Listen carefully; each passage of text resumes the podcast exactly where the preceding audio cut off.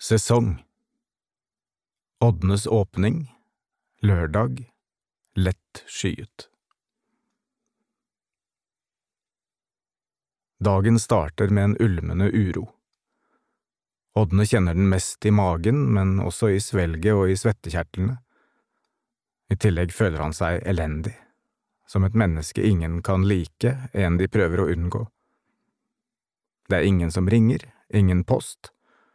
Han leser om projeksjoner og forbanner dette vedhengende selvhatet for n-te gang. Faen ta deg og naget ditt, jævla taper, hveser han mellom tennene. Så rister han det av seg, for å komme videre.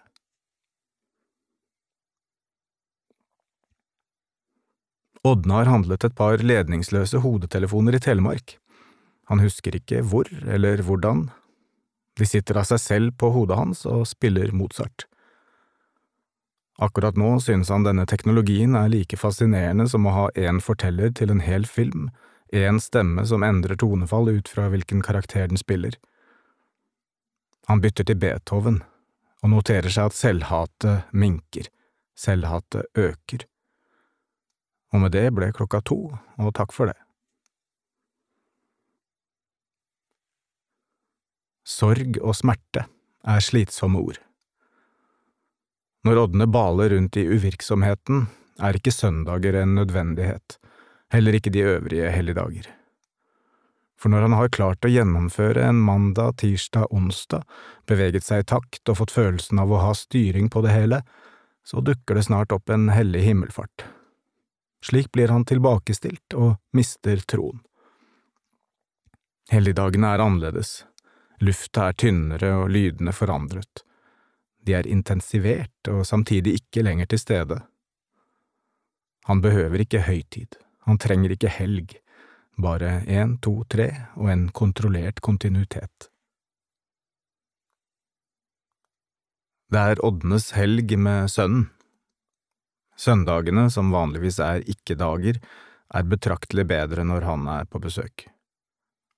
Sønnen fordrer aktivitet utenfor ham selv, virke og ansvar, åndsnærvær. Det er bestandig en skog, eller en film eller svømmehall som kan sees de søndagene sønnen er der. Sunt og selvfølgelig. På lørdagskvelden blir han sittende oppe etter at sønnen har lagt seg.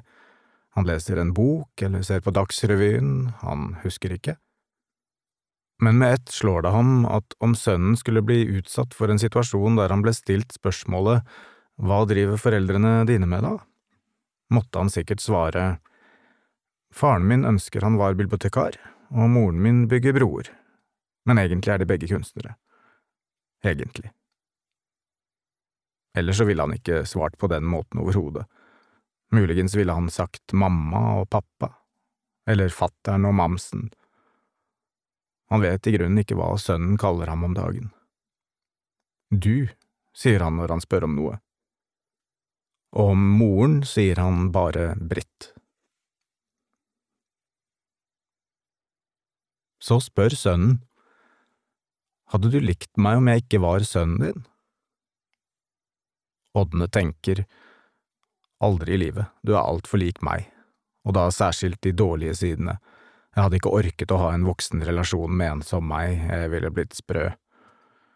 Og svarer, Så klart, du er jo en fin fyr.